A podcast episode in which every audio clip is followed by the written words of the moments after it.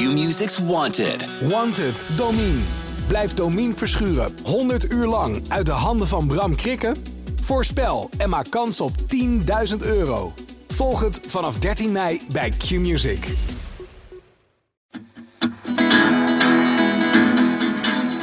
Welkom bij Culturele Bagage, de wekelijkse cultuur- en tijdsgeestpodcast van de Volkskrant. Mijn naam is Esma Linneman. Je zou kunnen zeggen dat het allemaal begon met deze vrouw. From This American Life and WBEZ Chicago, it's Serial. One story told week by week. I'm Sarah Koenig. In de podcast Serial uit 2014 volgen we journalist Sarah Koenig, die in een oude moordzaak duikt, die van middelbare scholieren Hey Min Lee uit Baltimore.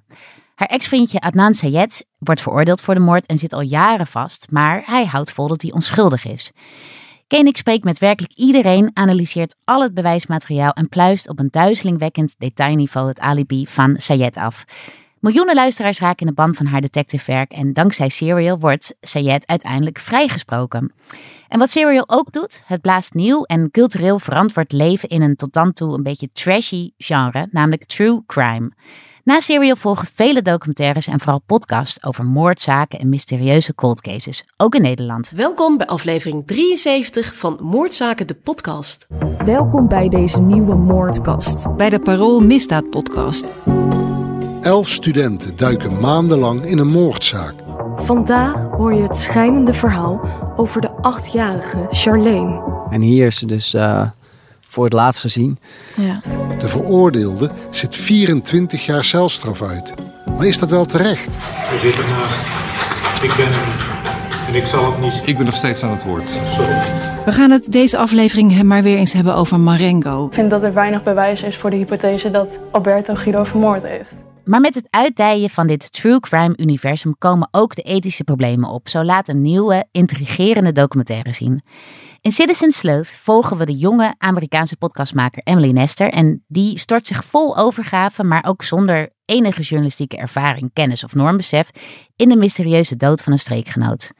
Terwijl ze zich vastbijt in haar onderwerp, raken de ethische grenzen steeds meer uit zicht. Nou, Citizen Sleuth roept hele belangrijke vragen op over de populariteit en ook de rafelranden van true crime. Want wanneer verandert een zoektocht naar antwoorden nou in uitbuiting? En waarom zijn we zo gefascineerd door cold cases? Nou, de lokroep van True Crime, daarover ga ik het vandaag hebben met chef-series Mark Moorman. Hallo. Goedemorgen Mark. En ook aangeschoven is chef van het Volkskrant magazine, M.E. Kiene. Hallo. Hi.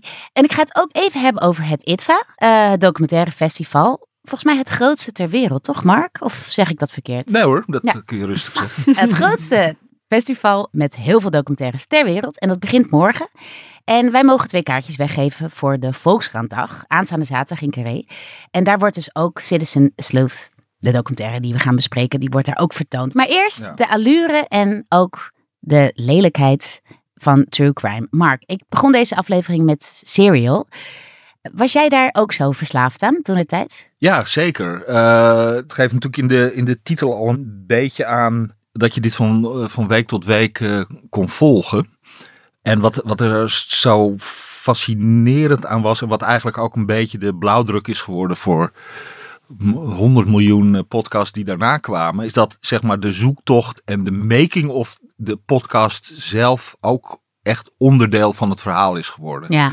Dus je je gaat echt stap voor stap mee in de manier waarop zij eigenlijk dat oude onderzoek, eh, waardoor deze eh, jongen naar eigen zeggen onschuldig in de cel is beland, die gaat zij stap voor stap overdoen. Ze, stelt alle vragen opnieuw. Ze gaat, je gaat echt met haar mee terug naar alle, alle plekken. En het is, zoals je al aangaf, extreem ge- gedetailleerd wordt er ingezoomd op elk detail van het toenmalige politieonderzoek. En dan blijkt eh, al snel met, met haar journalistieke vaardigheden en met haar eindeloze geduld, dat er echt wel allerlei vragen bij dat onderzoek te stellen zijn. Dus het, het heeft altijd, en dat is het aantrekkelijke van Serial en, en het aantrekkelijke van echt goede true crime podcast. Je hebt altijd de zaak, Maar je hebt ook altijd, het moet altijd net ook iets meer zijn. Het, en in dit geval ook bijna een soort filosofische zoektocht naar van hoe dicht bij de waarheid kan je eigenlijk komen. Ja. En, daarin stelt ze ook allemaal vragen die ik me ook eigenlijk nooit heb gesteld. Uh, over bijvoorbeeld politieonderzoek en ook over de reconstructie eigenlijk van een dag. Want in het geval van Syrië gaat het over natuurlijk één dag en Mhm. eigenlijk zelfs 21 minuten op die dag. En dan vertelt ze hoe ingewikkeld het eigenlijk is om mensen te vragen uh, naar hun herinneringen. Before I get into why I've been doing this, I just want to point out something I'd never really thought about before I started working on this story. And that is, it's really hard to account for your time in a detailed way, I mean. How'd you get to work last Wednesday, for instance? Drive, walk, bike? Was it raining? Are you sure? Did you go to any stores that day? If so, what did you buy? Who did you talk to? The entire day, name every person you talked to. It's hard. En daar had ik eigenlijk nooit over nagedacht. Dat, dat tegen de tijd dat de politie aanklopt, dat je dan misschien moet gaan praten over een dag, in dit geval zes weken geleden. Want dat is wanneer dit onderzoek pas begint hè, van, van, Mhm. van de politie de- naar de moord op dat meisje.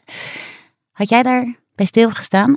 Nou, ni- niet op, niet op deze manier. Nee. Kijk, wij, zijn, wij zijn gewend ook, ook in, in drama en in rechtbankseries, films, dat, dat je altijd zeg maar, aan de andere eind van dat onderzoek zit. Waarbij Ja. de feiten worden gepresenteerd en al heel erg geframed zijn door zowel de aanklager of de, de advocaten, de verdediging. En zij begint gewoon weer helemaal opnieuw met, een- met een soort en journalistiek instinct en een enorme dosis gezond verstand. En ze stelt overal vragen bij. En dit, dit, dat fragment dat we net hoorden is daar echt een heel goed voorbeeld bij. Ja. Waarbij je ook meteen ziet wat er zo fascinerend is aan deze podcast. Het gaat niet per se alleen maar over deze zaak, maar überhaupt over hoe, hoe functioneert ons geheugen bijvoorbeeld. Ja. En, en dat wordt natuurlijk in zaken van, eh, van een moordzaak worden dat eh, kwesties waar veel grotere belangen opeens eh, aan hangen. Ja, en mee, eh, heb jij ook naar Serial op deze manier geluisterd? Ik heb Serial niet geluisterd. Nee? Nee. En, en ben jij een fan van het genre, zeg maar? Nou, zat ik natuurlijk over na te denken. Ik zou mezelf niet als fan beschrijven, maar in aanloop hiernaar bleek ik eigenlijk ontzettend veel eh podcasts en Ja. documentaires wel gezien en, en beluisterd te hebben. Ja. En er enorm van genoten. Dus ik, ik bedoel, ik ga Serial zeker, ik ga er gewoon nog weer aan beginnen. Ik zou Lijkt me echt iets voor mij. vanavond ja, nog. nee, want zeker. Als ik alleen al dat, dat muziekje hoor, dan Ja. krijg ik gewoon Ja. kippenvel. Zo erg was ik in die zaak gezogen. Ik heb die hele tijdlijn zitten uittekenen. En ik kan me nog herinneren dat ik dan s'avonds in een park naar een nieuwe aflevering. Want die kwam elke week een nieuwe aflevering uit. Hmm. En dan af en toe keek ik zo even om me heen. Omdat het ook, ook wel heel erg griezelig allemaal is. Het gaat Ja. gewoon over moord Ja. en doodslag. Ehm, hey, en, en Mark Serial boog eigenlijk weer op eerdere true crime documentaires, toch? Want ehm, Ja, je hebt, je hebt, eh, eh, je hebt een aantal van die soort eh, markeringen in de, in de geschiedenis van de eh, true crime. Ja, je, je kan helemaal naar eh, Truman Capote eh, terug met Cold Blood. ja, Wat ook een reconstructie is van een moord en een rechtszaak. Hè. Dat, dat wordt ook vaak wel het oerboek genoemd. Maar je hebt als filmdocumentaire moet je eigenlijk de Thin Blue Line altijd noemen van Errol Morris. Ja. Uit eind jaren 80, waarin hij tijdens onderzoek naar een, een moordzaak erachter komt dat de verkeerde man achter de tralies zit. En, en hij spreekt dan de dader. Dus de, de, de hele onthulling vindt eigenlijk in een soort real-time plaats voor de camera van Errol Morris. Dus dat was de sensatie van die film in combinatie met die ex- extreme gestileerdheid van die film. Ja. En Errol Morris was ook zeg maar de pionier op het gebied van het reconstrueren. Want je, je praat alleen maar met mensen over gebeurtenissen van weleer. Maar Errol Morris voegde daar het hele filmische element van de, van de reconstructie van bepaalde scènes. Die, die bijna in het abstracte illustreren wat, eh, wat voor een verhaal de, de, de, eh, diverse mensen vertellen. Ja. En dat, is, dat zie je in elke true crime documentaire is de reconstructie van gebeurtenissen nu, nu gewoon bijna een soort standaard Ja. element. En ook vaak wordt de Staircase genoemd, die overigens nog steeds op Netflix staat. Ja. Eh, ook een true crime eh, documentaire die eh, nou ja, heel veel invloed heeft gehad, denk ik. Ja, ook, ook omdat je daar. het, het, het loopt mee met een, een, een moordzaak aan de kant van de verdachte. Omdat de advocaten vinden dat er best wel een filmploeg bij mag. Waarom ze dat besloten hebben is. Ja, ja, goddank, want het levert werkelijk eh, fascinerend materiaal op. En waarbij je als, als publiek in, in, eh, in de zaal, ik herinner me dat ik hem op het ITVA ooit in één zitting van eh, acht uur heb zitten kijken. Nee. Toegewijd zeg je. Ja, maar ook gewoon totaal meegezogen in dit verhaal. En, en, en als je daarna zit te kijken, word je, je wordt zelf in de positie van de jury Ja. eh, eh, geschoven. Omdat, en, en, en je merkt dat in de, in de loop van die zaak je, je gedachten over schuld en onschuld voortdurend maar aan het verschuiven zijn. Ja. Het is best een En lastig... heen en weer eh, Ja. slingeren, ja, ja. Nou had ik het dus over het enorme succes van Serial. Want zoals jij al zei, dat is een soort blauwdruk geworden Ja. voor heel veel documentaires en zeker ook podcast. En ik denk dat dat ook een beetje het startsein is van de documentaire die wij allemaal hebben gezien en gaan bespreken hier aan tafel. eh, Citizen Sleuth. Want dat gaat over een jonge podcastmaker, eh, Emily Nestor. En nou, die woont in de Midwest, heeft geen opleiding gevolgd. Ik begrijp dat ze in een striptent zelfs eventjes heeft gewerkt. En nu is ze om eigenlijk net zoveel succes te bereiken als, als Serial. Ja. Toch? Wat, wat probeert zij nou, wat wil zij oplossen? Wat voor een soort zaak duikt ze- deze Emily in? Ja, zij stuit op een eh, zaak wa- waarvan, en daar zullen we het zo over hebben, maar de vraag is of het een zaak is. in ieder geval, in eh, 2011 eh, komt een streekgenoot van haar bij een auto-ongeluk, s'nachts om het leven. En de politie, na onderzoek, concludeert, ja, dit is een ongeluk veroorzaakt eh, omdat de, eh, de, die jonge vrouw eh, te veel drank op had de familie en vrienden van haar die leggen zich niet neer bij deze conclusie van eh, de politie. En die beginnen een Facebook eh, groep zoals dat gebeurt. En dat is eh, omdat zij best serieuze vragen hebben over dat onderzoek. Maar misschien ook in de sfeer van dat je eigenlijk alles wat autoriteiten ergens van vinden, eh, dat je daar zo- vraagtekens bij zet. Ja. Hè? We, we- we- we- in die periode schuiven we natuurlijk langzaam de, de, zeg maar, het tijdperk van de complottheorieën Ja. in. En eh, het is het wel, wellicht ook heel lastig om je neer te leggen bij eh, de, de dood van een geliefde. En, en misschien wil je ergens ja, vasthouden aan, eh, aan een verhaal waarbij er een schuldige gevonden gaat worden. Ja. Via die Facebookpagina komt, komt die Emily Nestor eh, bij dit verhaal uit. En ehm zoekt contact met die, eh, de moeder van het, eh, het slachtoffer. Ze krijgt van die moeder een soort enorm dossier overhandigd. En dat is eigenlijk de basis voor haar podcast. En mee, jij hebt deze documentaire ook uitgekozen voor de eh ITVA-dag, die jij ook gaat presenteren aanstaande zaterdag. Ja. Wat voor vrouw is deze Emily Nestor nou? Want ze, Oeh. ze is heel, ja, Ja, een beetje ongrijpbaar. Ik jullie hebben al veel over haar verteld. Ze is dus jong. Ik vind het is een aantrekkelijke vrouw. Ze is heel leuk, energiek. En je voelt, wat jullie al zeiden, ze heeft dus eigenlijk niet echt een opleiding. En in de horeca ge- gewerkt. Ze noemt Ja. die striptent. Dus je krijgt het idee van, nou, het leven heeft haar nog niet zo heel veel kansen gegeven in dat, eh, Mhm. in dat West Virginia waar ze woont. ja. Maar ze wil wel heel graag. Dus, en ze grijpt duidelijk dit aan. Om, ja, om, om zich ergens in vast te bijten. En wat zo leuk is om te zien. Waardoor je als kijker, althans ik, ook wel echt met haar identificeert. Is dat zij ook echt succes eh, krijgt. En het ook echt heel goed kan. Zij blijkt gewoon heel goed Want ze is podcast heel te kunnen talig maken. en ze heeft eh, echt een goede Ze podcast. kan heerlijk spreken. Ja. Ze maakt dan, vind ik dan ook geweldig detail, van een soort schuimrubber, zo'n soort kastje, haar eigen opnamestudio. En je denkt, yes, weet je wel, je bent lekker bezig. Ja. Ze heeft succes, ze gaat naar gewoon een meid die heel goed bezig is. Ja, je denkt echt, eigenlijk. je- Ja. Het eerste gedeelte van de film denk je, nou, jij bent lekker bezig en je gunt het er ook. Dat Ja, vooral. en, en ze is ook echt geobsedeerd door true crime en moordmysteries. Hè? Ja. Want wie is nou haar grote voorbeeld? eh?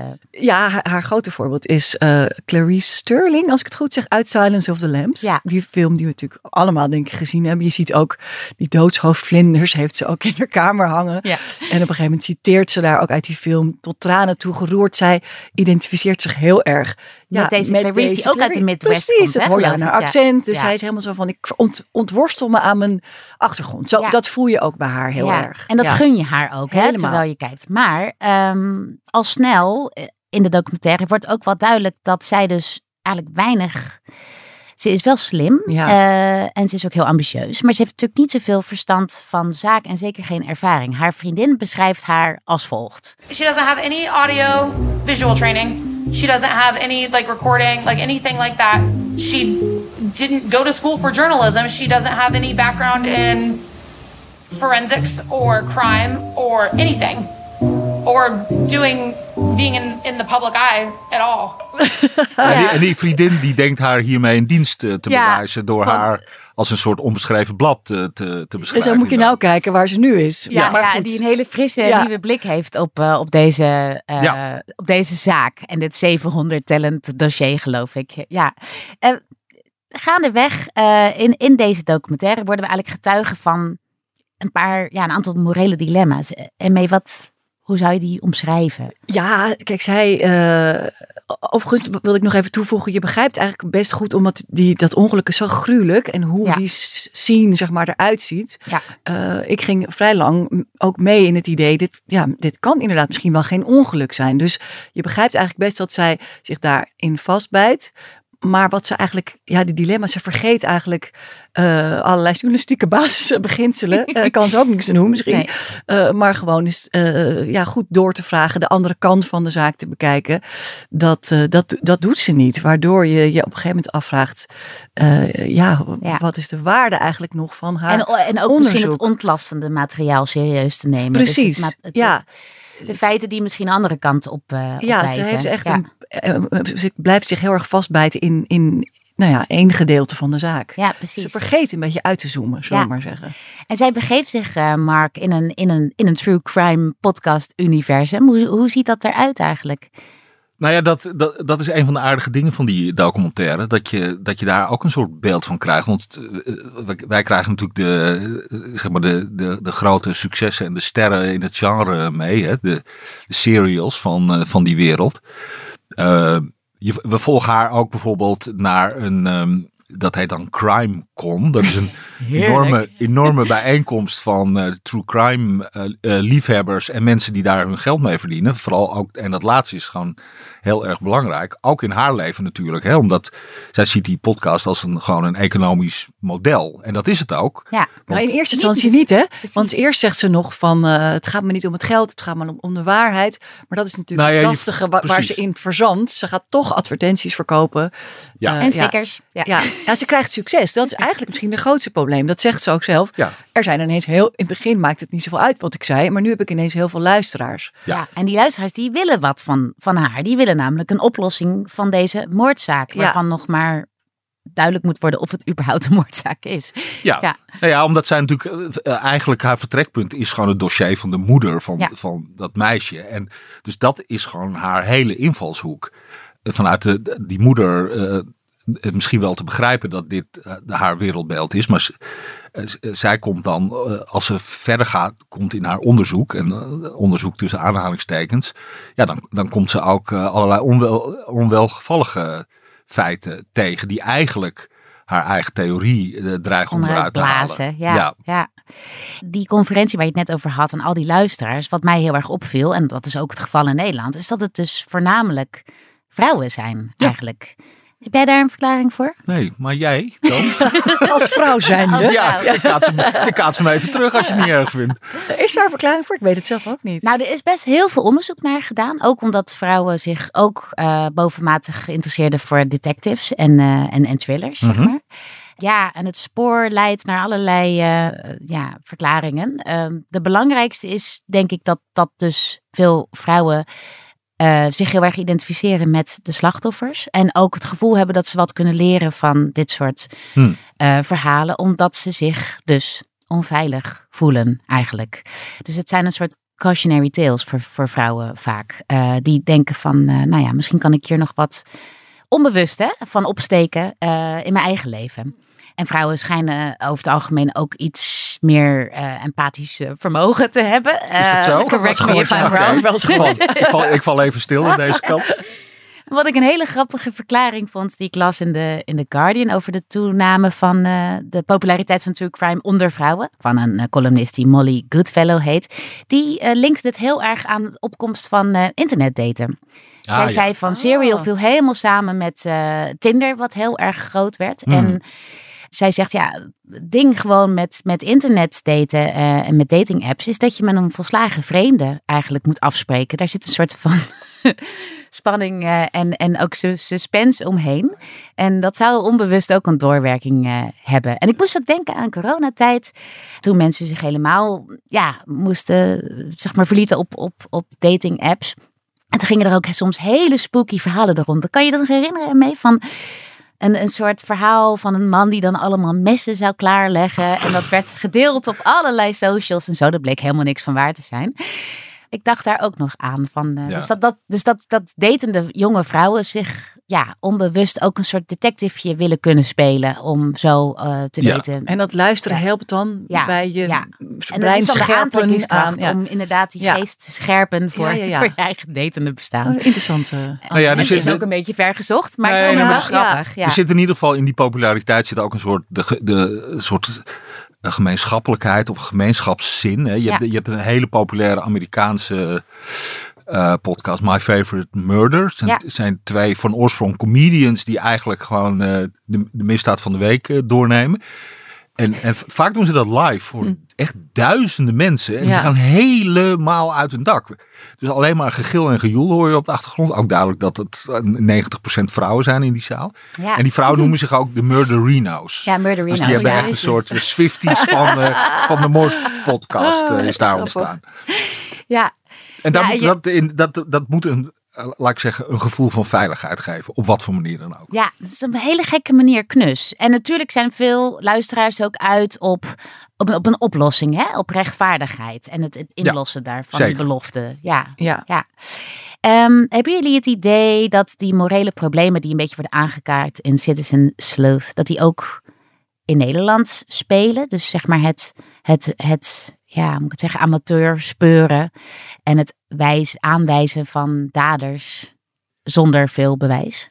Nou ja, de, de- ik denk dat het bekendste geval in Nederland wat, wat eh, raakt aan, aan deze kwestie eh, de Deventer moordzaak is. Ja. Eh, de, de manier waarop die zaak in de media is behandeld was weer het on- onderwerp van een echt hele goede podcast. De Deventer Mediazaak heette Ja. die. Ja.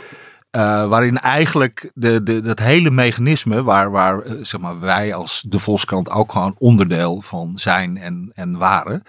eh, dat hele mechanisme wordt beschreven waarin in, in dit geval het speurwerk van Maurice de Hond achteraf om de onschuld van de een en de schuld van iemand anders te bewijzen. Werd uitvergroot eh, op allerlei podia in de media. Hè? Dus, dus bij ons, eh, maar ook eh, heel veel op tv. Hè? De Wereld Draait Door speelde hier. Blijkt ook uit die podcast maar weer eens een, een vrij dominante rol in. Ja. Maurice de Hond is natuurlijk een amateurspeurder. Hè? Is een citizen sleuth. Ja. Maar zijn versie werd eigenlijk groter en bekender dan de versie van de politie. De En in zijn officiële versie, had dus de klusjesman het gedaan. Ja, de, de, en niet Ernst Laurens. En wat ik interessant vond, en dat zie je ook in Citizen Sleuth, is dat het bij hem ook begon met een gevoel van, ja, dit kan niet. Precies, dit, dit kan kan, niet waar kloppen. zijn, ja. En, en dit is een onrecht. Ik heb daar een klein fragmentje van de Wereldtijd door dus. Maurice de Hond, opiniepeilingen, dat is uw vak. Ja. U heeft vandaag een campagne gestart van totaal andere orde. De Deventer moordzaak, 1999, wilt u heropenen eigenlijk. Waarom? Nou ja, in 2004 werd in de derde instantie uh, Ernst Lauwers uh, veroordeeld... nadat hij eerst door de Hoge Raad was vrijgelaten. En toen ik dat op de tv zag, toen draaide mijn maag om, dat, dat moment. Ja, en hij heeft het dan dus over dat moment dat die Ernst Laurens in de rechtszaak Oh ja, echt eh, wordt weggevoerd. wegge- weggevoerd. Ja.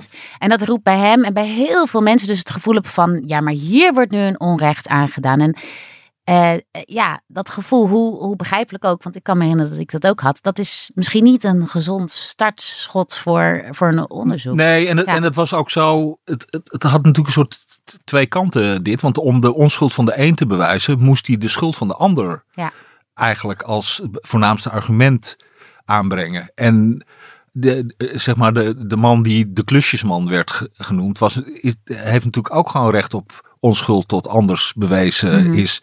Maar die heeft toch wel in het publieke oog heel lang eh, de rol moeten spelen van eh, de, de, de, dader, man die met ja. de moord was Met weggekomen. hele tragische gevolgen. Met hele tragische, Ja. pre- wat je echt totaal kan eh, volgen. En dat wat, wat in die podcast Deventer Mediazaak ook echt heel eh, schrijnend wordt eh, beschreven allemaal. Ja, ik kan hem niet genoeg aanraden eigenlijk, die podcast, want het is geweldig. Ja, Ja. ja.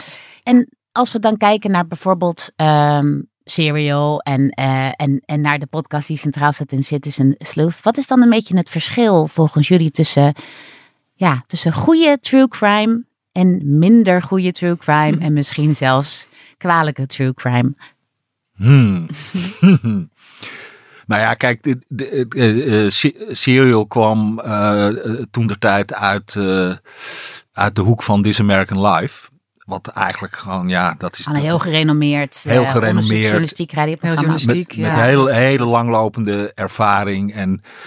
Ja, je voelde ook het, het ambacht van het, het, het maken en het vertellen van zo'n verhaal. Ja. Aan alles, weet je wel. Ook aan, aan, aan de manier waarop muziek werd gebruikt. Aan, uh, de, de reportage-elementen erin werden gevlochten. Uh, daar zat gewoon heel veel um, kennis van zaken en, uh, en, en talent achter. Ik denk ook wat bij mij speelt, is ik vind het ook interessant op het moment dat er dus grotere thema's worden aangesneden Mm. of andere vragen worden opgeworpen. En dat vond ik ook heel leuk aan deze documentaire Citizen Sleuth, want het deed mij ook denken aan van ja, waarom kijken we hier eigenlijk naar? Wanneer gaat het te ver? Uh, ja, wanneer is het eigenlijk te veel sensatie en te weinig uh, empathie voor het slachtoffer? Ja, toch? Ja, een rol van ja. socials, weet je wel, ja, wat precies. daar allemaal gebeurt. Ja, ja. ja, en ik dacht net, volgens mij is het best uh, een heel goed uitgangspunt om te beginnen met de vraag. Of de, het idee, sorry, dit kan niet waar zijn. Mm -hmm. Maar als er daarna helemaal geen ruimte is voor twijfel, dan wordt het heel oninteressant. Volgens voor mij. dit kan wel waar dus, zijn. Ja, weet je wel, er moet ja. heel veel getwijfeld worden. En dat ja. uh, heb ik ga serieel luisteren, maar het klinkt alsof daar ook dingen misgaan en doodlopende sporen en dan weer verder. En dat gaat gewoon, ja, dus, er is heel veel, heel veel twijfel. Dat is dus volgens mij goed. Ja, ja. dat is de gezonde basis eigenlijk. Ja. En maakt het interessanter. hey, en ik zei al, jij hebt deze documentaire geselecteerd voor onze ITVA-dag. Ja. Kun je nog iets meer vertellen over deze dag, aanstaande zaterdag? Zeker. Waar, waarvoor dus de luisteraars twee kaartjes kunnen winnen. Nou, dus daar zou ik echt mijn best voor doen, want het wordt hartstikke leuk. Het is in Carré, hele prachtige plek. Uh, en we gaan vier films bekijken. Ik heb samen met uh, filmredacteur Bor Beekman en Mark Moorman hier aan tafel. Want die kijkt uh, namelijk alles. En, precies, ja. die weet alles. Die weet alles, die kijkt alles, ja. geprobeerd in dat enorme, fantastische uh, ITVA-aanbod, uh, nou, en daar een selectie van te maken. dus we hebben heel veel gekeken en we zijn, ja, we hebben, we hebben vier films uitgekozen waar de Citizen Sleuth er één van is. Maar we gaan ook naar Oekraïne en we gaan naar Groot-Brittannië. En in Nederland blijven we, ja, ik kan heel gedetailleerd vertellen, maar het zijn vier geweldige films. Allemaal weer heel anders. maar het gaat denk ik wel een hele leuke, interessante dag worden. En die heerlijke mooie carrézaal. Dat is ja, ook wel heel ja. erg leuk daaraan. En er komen natuurlijk, wat leuk is, veel regisseurs, uh, hoofdpersonen. Dus dat wordt, die gaan, spreken we dan na de films. Ja. Dus het is altijd uh, een lange, maar hele veelbewogen en uh, leerzame dag. Zeker. Hey, en Mark, voor alle mensen die, uh, die niet naar Amsterdam uh, kunnen afreizen of geen tijd hebben voor het ITVA, zijn er nog true crime uh, series, documentaires? Ja, die nou, echt de moeite waard zijn, die we gewoon op te kunnen, het kunnen streamen of op de. Het zijn er zoveel ook Ja. langzamerhand. Dat Ja. als je, als je eh, true crime intikt in het eh, zoekvenster van Netflix, dan kom je al in een soort parallel universum eh, terecht. van onopgeloste zaken en andere dingen. Maar het is toch wel, zoals ehm mij naar eh, serial gaat luisteren. Het is ook Hm. wel goed om, om zo terug te keren naar allerlei oer- Klassiekers eigenlijk, hè? Oerteksten, zeg maar. Ja. De, en, en de Sterkeis blijft gewoon echt een heel fascinerende... En die staat nog altijd op Netflix. Dus de, ik, ik zou zeggen, de, de Sterkeis. En to- toevallig heb ik deze week eh, naar een he- hele recente true crime eh, tweedelige documentaire gekeken. Op Netflix. eh Last Stop Laramie. Lar- Laramie, moet ik zeggen. Dat eh, speelt zich in de Australische Outback af. Of een stadje met elf bewoners waarvan er één vermoord wordt. Dus dan heb je tien verdachten. Dus een soort Agatha Christie Nou. meets de Outback. Zoiets is het. Met allerlei hele excentrieke eh, figuren. Dus dat... dat ook het, bewijst dat er... Er komen echt elke week nieuwe true crime dingen bij. Oké, dank jullie wel voor jullie komst naar de studio. Wil je nou kaartjes winnen voor de Volkskrantdag van het ITVA? Aanstaande zaterdag in Carré. Meld je dan aan via volkskrantmagazine.volkskrant.nl Dit e-mailadres en alle tips voor goede true crime documentaires en podcast kun je vinden in de show notes. Dit was Culturele Bagage. Montage wordt gedaan door Team Hageman en eindredactie door Corine van Duin, Emily van Kinschot en Julia van Alem. En wil je de Volkskrant steunen? Ga dan voor een abonnement naar www.volkskrant.nl